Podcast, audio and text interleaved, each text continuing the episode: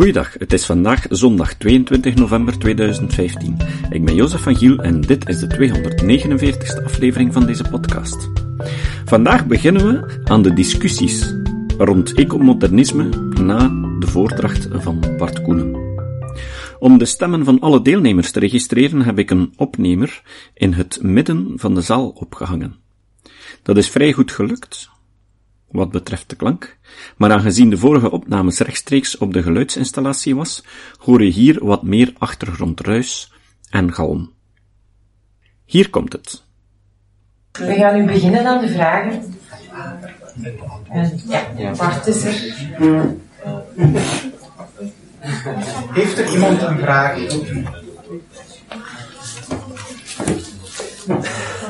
Brecht. Ja.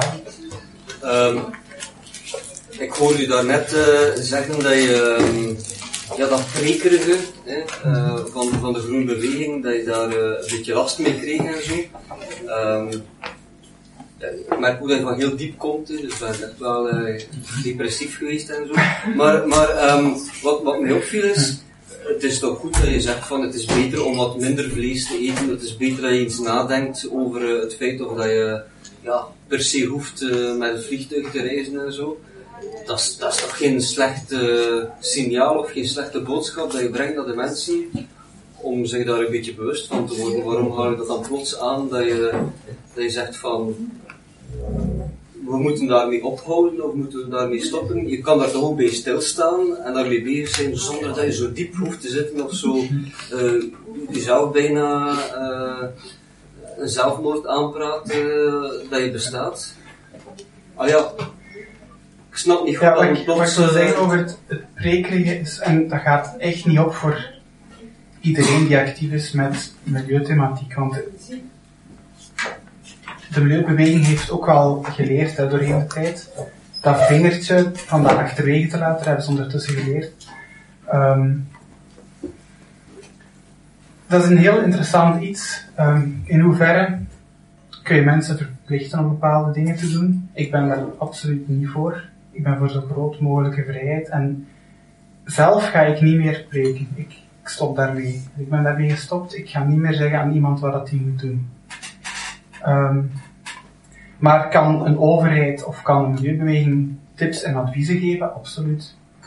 Iets anders vind ik wanneer dat begint te gaan over ehm, nudging en van die dingen. Daar sta ik nogal afkerig tegenover. Ik weet je weet wat dat is, nudging. Dat is dan zo de gezonde optie aan de kassa leggen bijvoorbeeld. Of op, eh, er is laatst nog een programma over geweest op tv. Ehm, maar nudging kan ook ver gaan. Bijvoorbeeld in Amerika hebben ze op een bepaald moment in de universiteiten, in de restaurants, de, de ja, tableaus waarmee je rondgaat als je gaat eten pakken, afgeschaft. Omdat ze merkten dat mensen dan ehm, minder gingen verspillen. Dat is ook een, soort van nudging, dus je met bepaalde dingen te doen, zorgt je dat mensen automatisch gewenst gedrag gaan vertonen. Ik vind dat problematisch, omdat dan wat is gewenst gedrag enzovoort. En bleek ook dat dat gewenst gedrag ongewenste consequenties had, omdat mensen dan, ja, zo sla en dingen, dat valt van je bord, dus namen ze gewoon een cakesje. Dat is veel makkelijker. Zo. Ik maak het nu een beetje makkelijk, maar... Ehm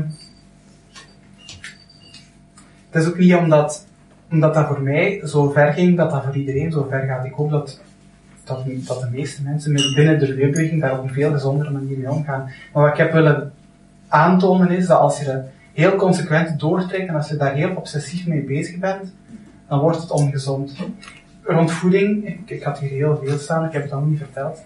Maar er is zo'n fenomeen, ehm, dat heet orthorexia nervosa. Nee, ja, orthorexia nervosa. Ehm, dat is obsessief gezond willen eten. Dus dat is lezen in de krant vandaag, aspartaan ehm is niet goed, morgen gluten zijn niet goed, wit brood is niet goed, rood vlees, is alles niet goed. En er zijn mensen die beginnen dan eerst, ehm, bijvoorbeeld ze laten zouteten eten, of suiker, dat is ook zoiets wat nu nogal ehm, aangevallen wordt. Dan zeggen ze, ik ga een keer een week zonder suiker eten. En dan, als het dan uh, 14 dagen zonder vlees is, gaan ze ook geen vlees eten. Uiteindelijk schiet er niet veel meer over, behalve rauwe groenten. Maar dan zijn er mensen die echt in heel ongezonde situaties terechtkomen. En dat is nog geen erkende ziekte. Er zijn wel mensen die beantwoorden aan dat ziektebeeld. Dus het kan ver gaan. Dat wil ik niet maar zeggen. Ja. Uh, ik ben uh, in september ook geweest naar die presentatie, de ecomodernisten. Ted Nordhaus en Kleine ja. geweest, hè?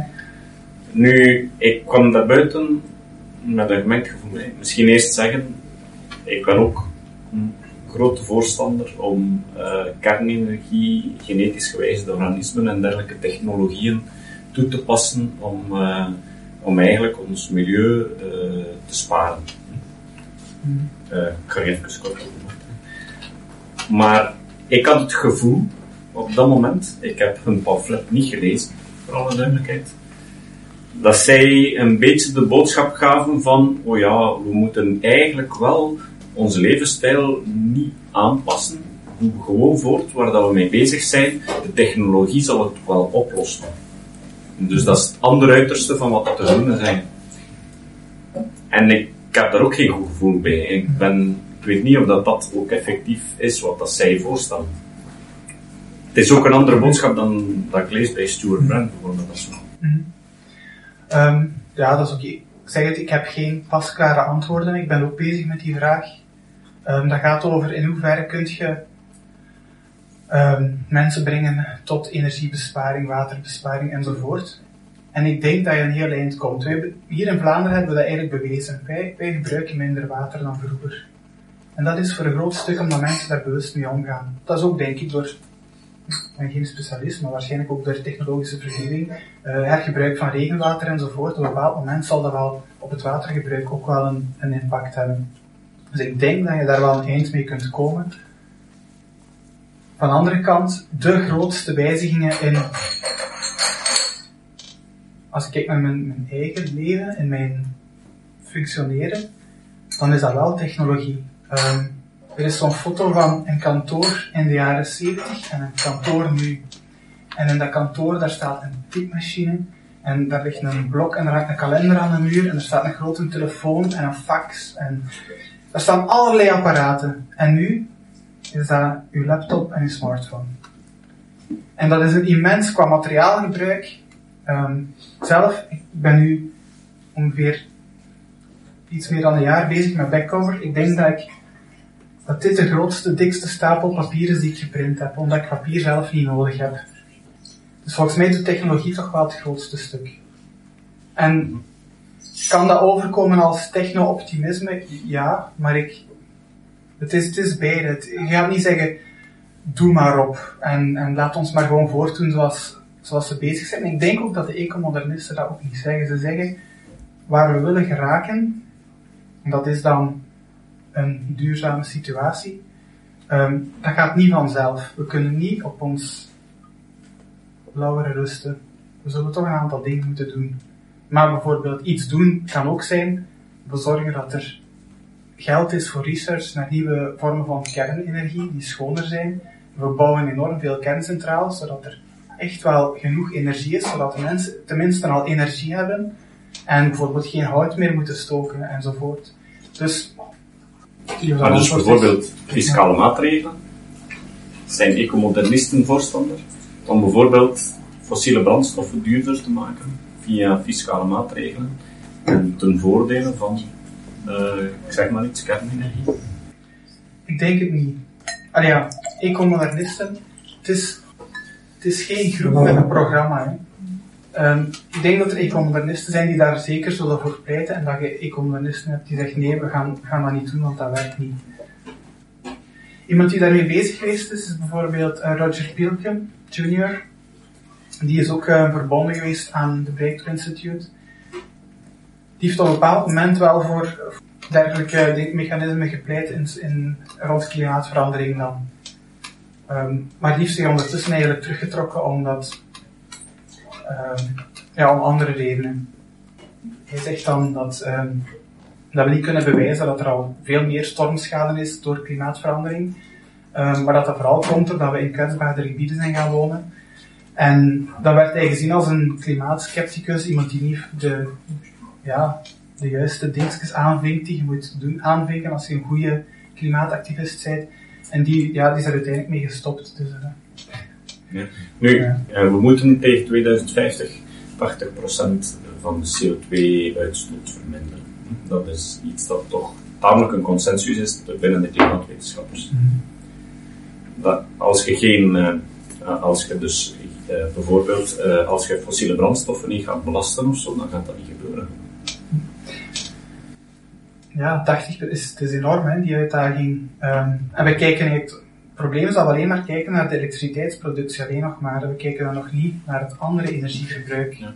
Ze, zeggen, ze zeggen nu in, in Duitsland is zoveel procent van de energie uh, groen, maar dan dat klopt niet. Als je kijkt naar het totale energieverbruik, is dat echt gewoon nog belachelijk weinig.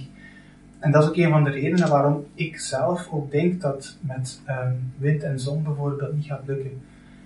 En dan ga je echt wel een stuk um, die koppeling nodig hebben, dat um, technologische vooruitgang zorgt dat wat mensen doen, sowieso, en dat is denk ik wel fundamenteel voor het ecomodernisme, dat je de dingen die mensen doen, binnen de draagkracht van de planeet brengt.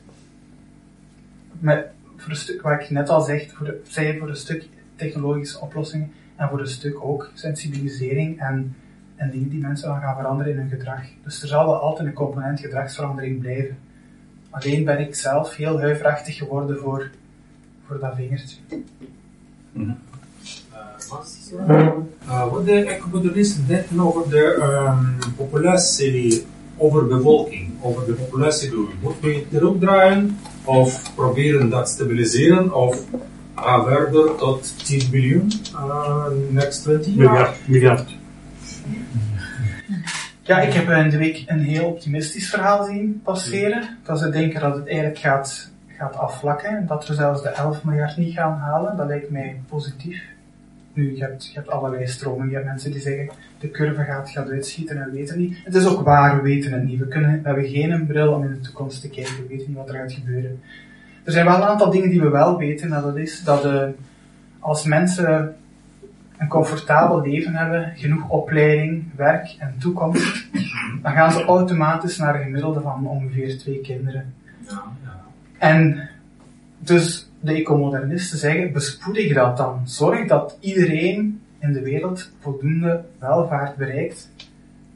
Omdat we ook weten dat mensen dan automatisch minder kinderen krijgen. Dus ik denk niet dat je moet werken op, we moeten zorgen dat de mensen geen kinderen meer maken. Zorg gewoon dat iedereen het goed heeft. En dan komt dat vanzelf wel. Zo, dat is een, voor jou een natuurlijke uh, manier van uh, dingen gaan, ja? Zoals er geen speciale vaccinatie of uh, programma die kunnen de, uh, begrenzen van de nummer van de mensen. Uh, als we met OON, like voor dit country, like 1 biljoen, voor dit uh, 100 miljoen, en je kan niet dat overgaan. Daar zal ik niet mee beginnen. Dat is niet is geen goed idee. Niet goed. Maar ja, er zijn gewoon dingen, daar heeft dan ook, ik heb Fred Peers al een paar keer genoemd, die heeft een boek geschreven over bevolking. En um, daar heb ik eigenlijk veel uitgehaald als het gaat over bevolking. Um, we weten wanneer, wanneer het, ja, mensen die echt veel kinderen krijgen, dat zijn mensen die het gewoon slecht hebben. We moeten zorgen dat mensen allemaal bepaald, ja, dat iedereen het goed heeft. Elektriciteit in huis, um, vooral educatie toekomst, werk. Een wasmachine, een droogkast en een afwasmachine. van socialisme, als je, je, je, denkt dat ja, uh, systeem, ja. De, de, mensen die veel kinderen maken, die, hebben meer uh, uh, waar de, de, gemeenschap geld terug. Ja, ja het, het werd, de ecomodernisten kregen het verwijt dat ze neoliberaal zouden zijn. En ik denk met dat zij zo de nadruk leggen op ja, ontwikkeling en, en welvaart, dat dat, voor mij kan dat niet neoliberaal zijn. Voor, mij is dat een sociaal project. Geen links project, maar wel een sociaal project. Ja, ik, uh, ik ben allee, tot nu toe uh, eens met alles wat je gezegd hebt eigenlijk. Behalve, uh, het, het, het, het, het verwondert mij daarnet dat je dat je blijkbaar niet gewonnen bent voor, eh, voor nudging. Eh, want dat lijkt mij net een, eh, een manier om het opgegeven vingertje te vermijden. Want het hele principe van, van nudging komt er natuurlijk op neer dat je gewoon bepaalde zaken eh, zo regelt dat je de, de, de keuzes op een bepaalde manier gaat ordenen of structureren, zodat mensen uit zogenaamd vrije keuze, zonder dat er iemand met het gegeven vingertje moet staan om ze de les te spellen, het, het, het gedrag zullen stellen waarvan, waarvan dat je op voorhand hebt uitgemaakt, en daar gaan we natuurlijk vanuit dat dat wenselijke gedrag is. Dus neem nu zoiets als de CO2-emissierechten, of ehm, ja, zoals dat er net ook vermeld werd, eh, de, de belasting heffen op eh, het uitstoot van ja, allerlei, niet alleen CO2, maar allerlei eh, vervuilende stof. Ehm, ik, zou net, ik, ik had verwacht dat je daar voorstander van zou zijn, omdat je dan de juiste prikkels creëert voor, de, voor, de, eh, voor, voor, voor bedrijven ook, om met technologieën af te komen. Eh, Als ecomodernist, maar je gelooft in technologie. Maar, maar, maar, maar om de juiste prikkels te creëren, dat ze daar ook de motivatie voor hebben. Want, want ja, eh, met het opgeven vingertje zal het niet werken. Dus dan dacht ik van, ja, dan moeten we gaan nudgen. Dan moeten we de vrije markt zijn werk laten doen, maar dan wel de juiste condities creëren daarvoor. Ja, mijn vrouw is psycholoog en ik heb daar thuis ook al discussies over gehad. Zij is ook eerder pro-nudging dan... ik ben gewoon bang voor dood, doorgeschoten vormen van nudging. Ehm, dat bijvoorbeeld, die, dat voorbeeld van de universiteit, daar is dan een comité beslist van dat, dat is goed, we gaan dat zo doen. Ja, het probleem dat ik heb met nudging is, wie beslist wat het gewenste gedrag is? Dat vind ik een beetje de vraag.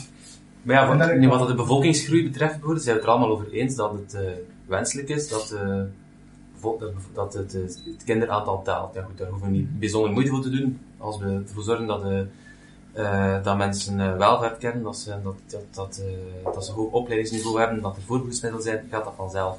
Nu, bij CO2 kan je ook zeggen, ja, er is nu toch een grote consensus dat, eh, dat welke technologische oplossingen dat er ook zijn, eventueel om CO2 weer te capteren, maar dat we toch gaan moeten minder CO2 uitstoten.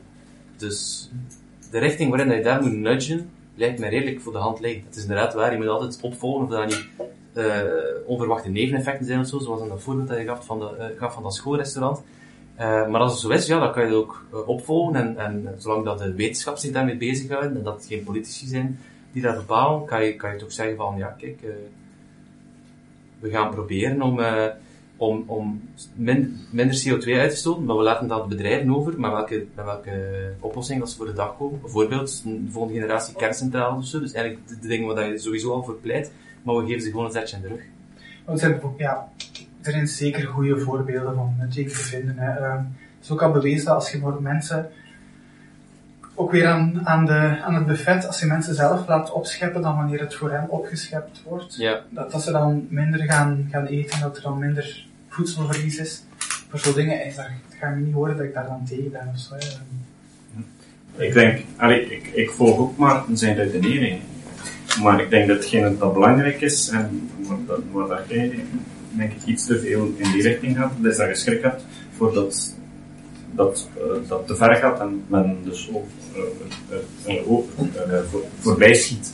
Ja. Nu, ik denk, de essentie in kans dat verhaal is precies dat je continu bezig bent met na te denken, wat zijn de laatste goede wetenschappelijke inzichten die we hebben, en laten we daarop werken. En ook continu een feedback van, we hebben een, een, een model van nudging ingevoerd, werkt het? En werkt het niet, dan moet je dat kunnen ook durven aanpassen. Ja, ik heb ook, ik heb ook dat het dat gevoel belangrijk inderdaad, ik heb ook het, inderdaad het gevoel dat je, doordat je zo bang bent voor die doorgeschoten vormen van, eh, ja, van mensen sturen, dat het u blijkbaar verlamt om, om nog enige suggestie te geven, om in een bepaalde richting te evolueren. Je, je, je- maakt geen keuzes niet meer, dus, dus iedereen moet voor zichzelf uitmaken en je, je bent zo bang om, om, om, om een voorstel te doen eh, wat goed is, dat je gewoon Maar nu, Dat het u ik, verlangt. ik moet, ik moet En- ergens voorstellen doen en zo. Ey, ik zit geen, ik zit niet in het comité dat beslist dat genudged wordt of enzovoort. hè. Nee, maar in uw eigen leven naar mensen toe kun je toch... Ik Er zijn heb, toch een aantal dingen zoals dat Maarten zegt die gewoon redelijk voor de hand liggend zijn. En dan kun je toch zeggen, het is beter om wat minder dit en wat... wat Maar wat bedoel je maar voor de hand liggend? Van, ja, maar we moeten er maar voor zorgen dat die mensen het beter hebben. Ik ga er vanuit in het zuiden en dan komt alles vanzelf goed. Ja, dus dat is fabeltjes dan. Hè. Wat ga je doen zodat die mensen het beter hebben? Welke inspanningen ga je leveren? Dus, alleen, ik ben het akkoord daar. Dus dat, dat is eigenlijk een vraag. Wat, wel, wat ga je dan doen voor de mensen in het zuiden? Maar ik denk, ja, ik ga het niet stellen als wat ga je doen voor de mensen in het zuiden, want dat klinkt een beetje eh, niet zoals dat ik wel denk, maar dat is misschien wel een vraag natuurlijk. Allee, dat is iets concreet. De grenzen openzetten. Dat is mijn eerste stap. Maar er is... Ik ben akkoord, allee, maar technologie of de capaciteit van mensen om oplossingen te vinden voor hun problemen zijn zeer groot. Maar het idee, we gaan de bedrijven het maar laten doen, dan krijg je gelijk een Volkswagen die naar ingenieurs gaat en die zegt, maak een keer een auto die minder uitstoot, maar zoek een keer wat software uit, zodat wij die testen kunnen doorstaan, dat blijkt dat er niet te veel uitgestoten wordt. Dus ja, technologie, ja, dat gaat ook, gaat toch moeten gekaderd zijn op een bepaalde manier en betaald worden door iemand en uitgevoerd worden door iemand. En het idee van, ja, laat iedereen maar doen, dat blijkt niet echt te werken tot nu toe. Ja. De Amerikaanse ecomodernisten van de Breakthrough Institute zijn voor een grote rol van de staat. En ik denk dat dat een beetje aansluit op uw vraag van budgetten ter beschikking stellen voor onderzoek. En dan kiest je ook voor welk onderzoek dat dat is. Dan kan dat zijn bijvoorbeeld voor onderzoek naar waterstof, auto's, waar ik zelf eigenlijk hoop dat die een doorbraak zullen kennen, want uh, dieselwagens en, en gewone brandstof gaat het blijkbaar niet lukken. Um, is daar een oplossing? Waterstof, waar haalt je dat? Elektriciteit. Maar ik heb het, ik heb het. Ja, dus dan, ja, dan wil ik ook dat we het stel. Bijvoorbeeld, waterstof, we hebben nu zoveel windmolens. en in Duitsland gaan ze nog enorm veel windmolens bijbouwen. Waardoor, als het heel goed waait, ze waarschijnlijk stroom gaan moeten laten vliegen.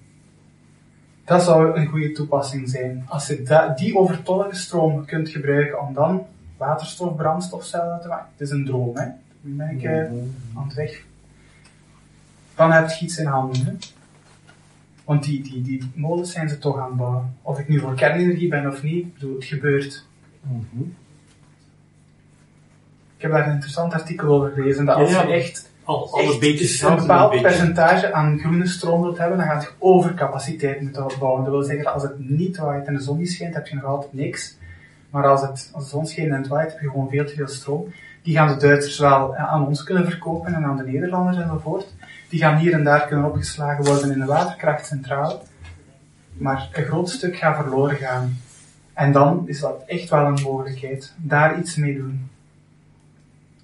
Maar die technologie staat nog niet ver genoeg. Zeker niet voor auto's. Toyota heeft een waterstof, uh, brandstofcel. Maar ze zeggen zelf, ze hebben eigenlijk alle patenten die ze hebben, daar rond hebben ze vrijgegeven en ze zeggen we kunnen het niet alleen. Dus zij zeggen eigenlijk, laat ons samenwerken met de verschillende autoconstructeurs aan auto's uh, je hebt bijvoorbeeld die platinum-katalysatoren.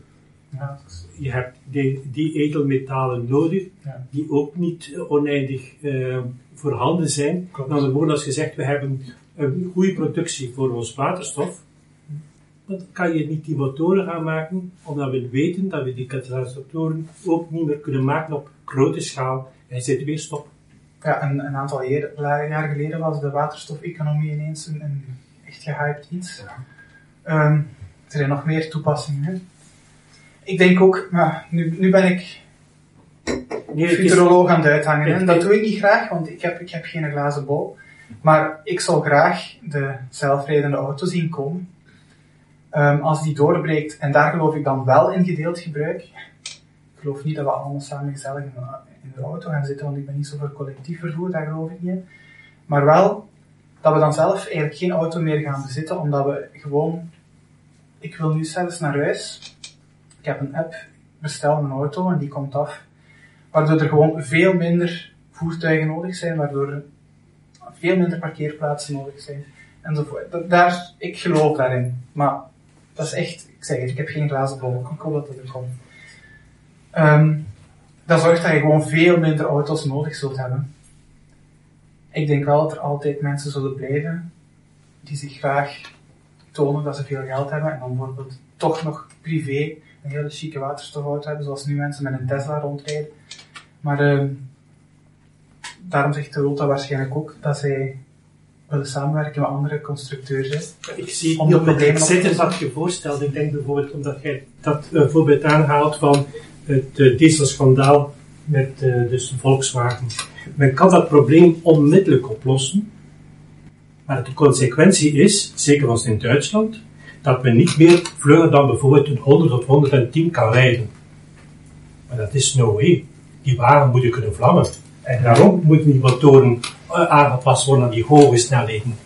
Maar hoe ga jij dus de bevolking, ik neem van Duitsland, overtuigen? Vanaf volgend jaar maken we alleen nog wagens die maximum 110 kunnen rijden. Merkel of anderen zullen niet meer herkozen worden en diegenen die populistisch gaan zeggen, wij zijn voor de Volkswagen die ho- 240 kan rijden, die gaan het voor het zeggen hebben. Als dat pro- probleem oplosbaar is en nooit zal opgelost worden, dan denk ik dat jij met het idee, we gaan met ons app een wagentje laten, eh, aan, eh, laten aanrijden, het kan, maar mijn inziens zal het waarschijnlijk niet voor onze generatie slimmer zijn. Voor de nieuwe. Eh, ja. Mijn dochter is 12, de oudste, en ik heb tegen haar gezegd dat ik hoop dat zij geen rijbewijs meer moet gaan halen. Maar Dat wordt duur ook. dan gaat het. Dat is misschien optimistisch van mij, ik denk dat dat gaat gebeuren. Maar chauffeur dan misschien. Ja, dat zou een beetje zijn, dat dat kan betalen. De school is Ja, ik heb gezegd tegen mijn dochter, ga in de politiek, dan heb je een chauffeur, dan moet je geen rijbewijs Ja, hebben. voilà. Dat is de weg naar de politiek, hè. Ja. En daar loopt het erop, hè. Dat is Zeg, zou dat geen goed idee zijn om een eh, ecomodernistische partij op te richten? Ja, voilà. Het is de volk rond u, Een beweging, maar geen. Ik wil de kritische stem blijven. Goh, wacht, nog eens, nog eens een partij erbij. Een beetje kunst. Misschien is het interessant van, dat, dat vind ik, toen, toen ik dat van september organiseerde, met de ecomodernisten die, die kwamen spreken. Wat mij opviel was dat er uit verschillende politieke partijen ehm, interesse kwam.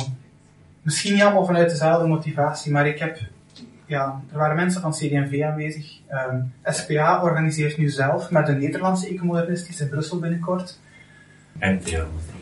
NVA, de Peter de Dekker zat er ook. Ehm, eigenlijk alle partijen. De, de Groenen waren die hebben niet gereageerd en die zijn gewoon direct in hun gat gebeten. En dat is omdat ik denk dat zij de ecomodernisten als een bedreiging zien. Maar dat is ook logisch, want wat ik schrijf is gewoon, ja, dat is een, een aanval op de Groenen. En ik snap dat zij zo reageren. Zij willen het ook niet. Zij willen die concurrentie niet op, op hun terrein. Ze beschouwen dat als hun terrein.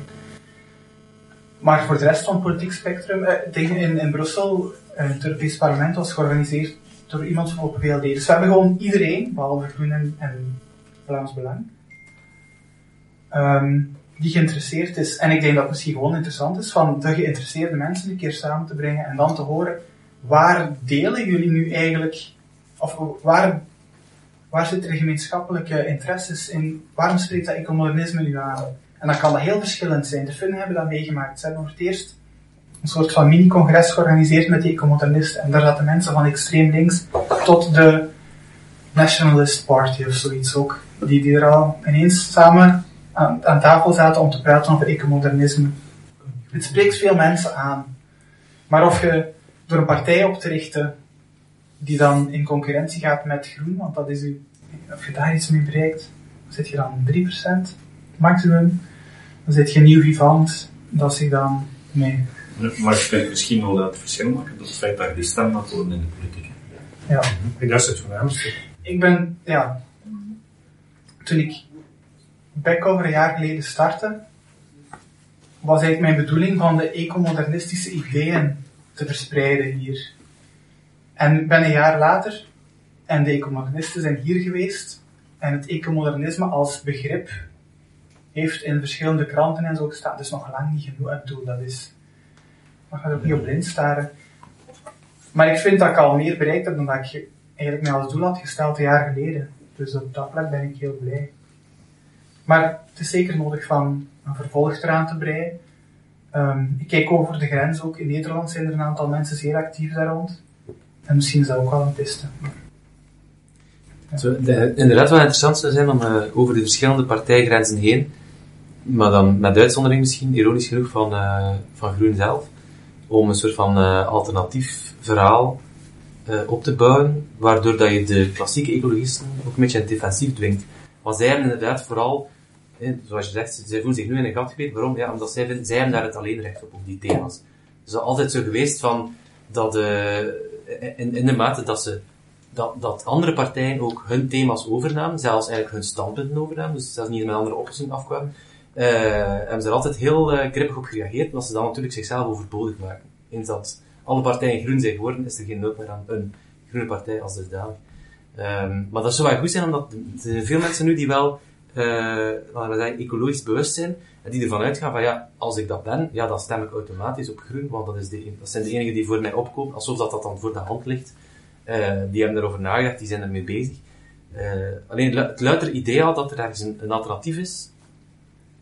Misschien, uh, ja, ik, ik, weet niet hoe je dan politiek zou, zou organiseren, maar inderdaad zo iemand als Philip de Bakker, hè, van, van, op, van VLD, en er zijn zo, nog een aantal mensen die, die misschien zouden moeten zeggen van ja, maar wij pikken dat niet, dat, dat groen dat voor zichzelf opeist. Wij zijn ook groen, en, maar gewoon op een andere manier. En jullie moeten maar eens bewijzen wat er dan zoveel beter is aan jullie traditioneel schuldbewust, uh, sentimentalistisch, religieus groen?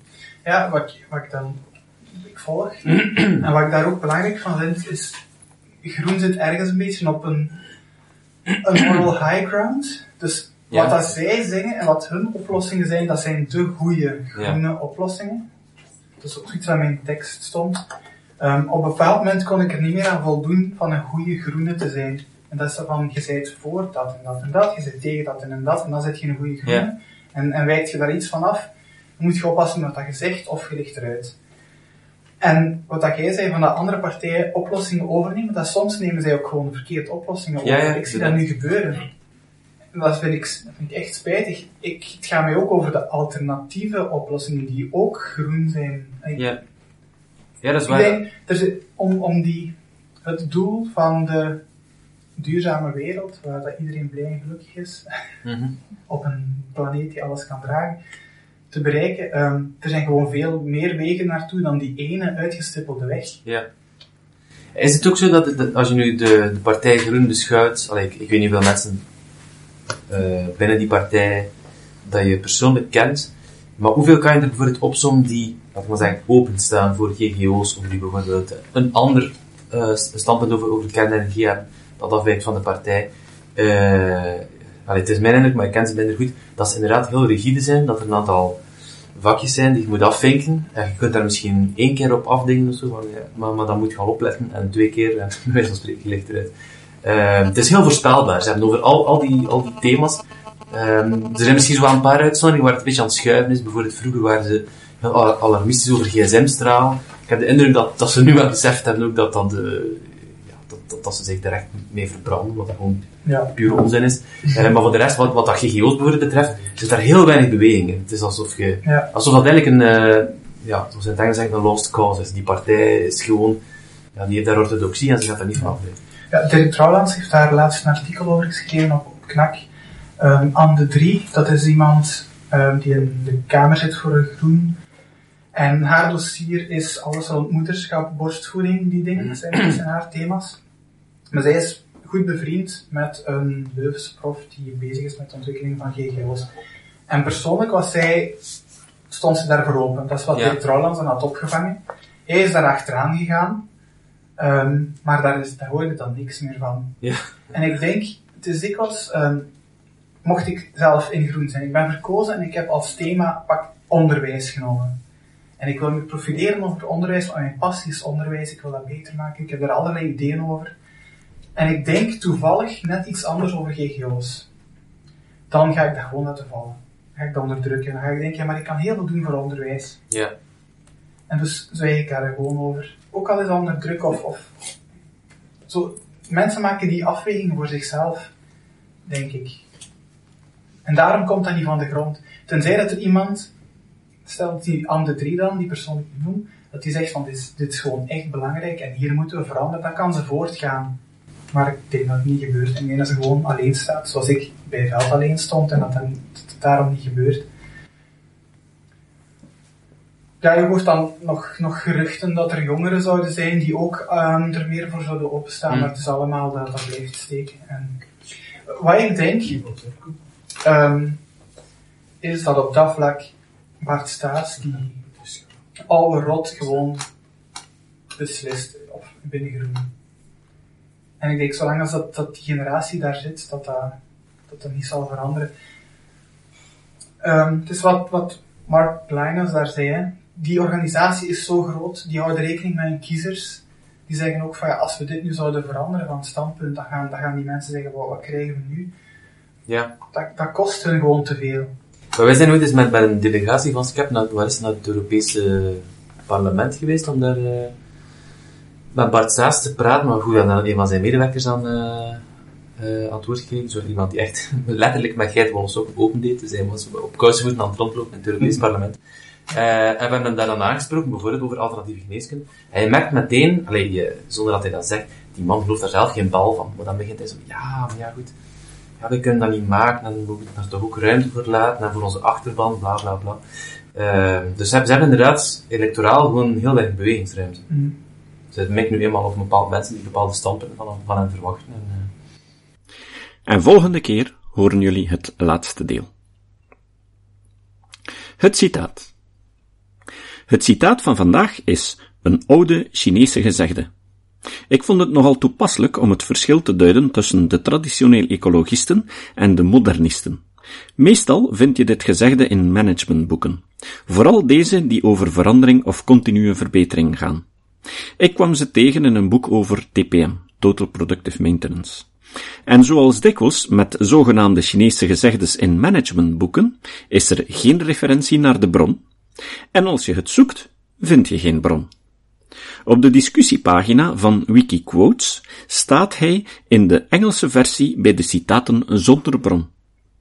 Ik denk dus dat dit citaat verzonnen is door een managementgoeroe en dan als oude Chinese gezegde verspreid om het meer gezag te geven. Dat boek over TPM was in 1998 geschreven. Het gezegde is dus redelijk oud. Toch tenminste van de pre-internetperiode. En de auteur is een Japanner. Het komt dus ook al zeker uit Oost-Azië. Je mag zelf beslissen welke rol in dit gezegde voor de ecomodernisten of voor de traditionele ecologisten is. Een oude Chinees zei, als de wind van verandering begint te waaien, bouwen sommigen muren, terwijl anderen windmolens bouwen. Tot de volgende keer. Deze podcast is het resultaat van het werk van veel mensen. Rick de Laat verbetert bijna al mijn teksten en maakt de meeste vertalingen. Emiel Dingemans verzorgt onze website en Facebookpagina. Ook Leon Korteweg en Stefan Sutens schrijven, vertalen of verbeteren soms artikelen. Leon onderhoudt bovendien het YouTube-kanaal van deze podcast. De muziek van de intro en de trailer heeft Nick Lucassen geschreven en soms maken we ook gebruik van muziek van Ad van Nederpelt, die ons zijn prachtige composities ter beschikking stelt. Dit was de podcast Kritisch Denken. Vergeet niet om alles kritisch te behandelen, ook deze podcast. Voor verdere informatie over deze podcast, links en voor de tekst, surf naar www.kritischdenken.info. Als je deze podcast belangrijk vindt, kun je me steunen door anderen warm te maken ook eens te luisteren. Stuur een e-mail naar vrienden met een link naar de website en plaats de link in de handtekening van je e-mails. Tevens kun je op iTunes deze podcast een beoordeling geven of een recensie schrijven. Of je kan op je eigen website of blog een link naar kritisch denken plaatsen.